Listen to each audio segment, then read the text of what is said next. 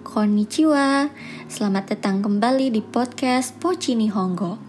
Di episode 10 ini, aku mau ngebahas bunpo yang dasar lagi nih, yaitu kalimat penunjuk kemungkinan atau perkiraan.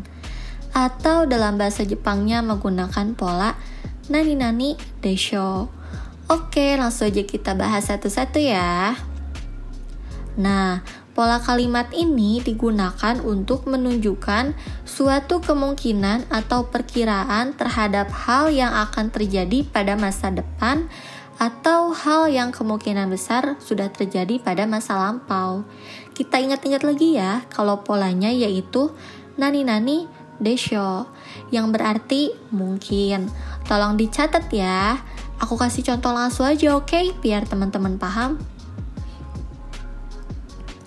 Contoh yang pertama, Ashita mo yuki desho, artinya besok pun mungkin salju. Ashita artinya besok, dilanjut dengan partikel mo yang artinya juga ataupun, dilanjut dengan yuki yang artinya salju, dilanjut dengan desho yang artinya mungkin. Jadi, Ashita mo yuki desho, besok pun mungkin salju. Oke, sekarang kita lanjut ke contoh yang lain. Korewa tabung takai desho, artinya ini mungkin mahal. Kore artinya ini, dilanjut dengan partikel wa, dilanjut dengan tabung takai yang artinya mahal, dan diakhiri dengan desho yang artinya mungkin. Jadi, korewa tabung takai desho, artinya ini mungkin mahal.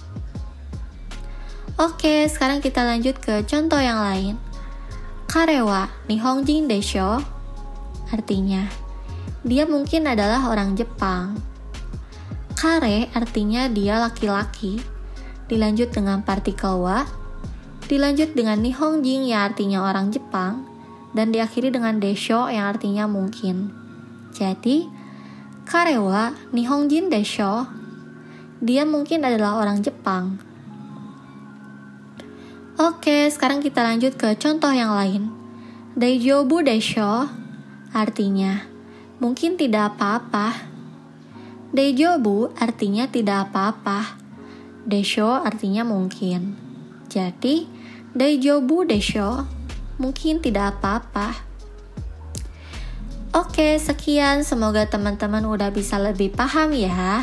Sekarang teman-teman coba buat 1 sampai 2 contoh kalimat dari pola kalimat di episode ini.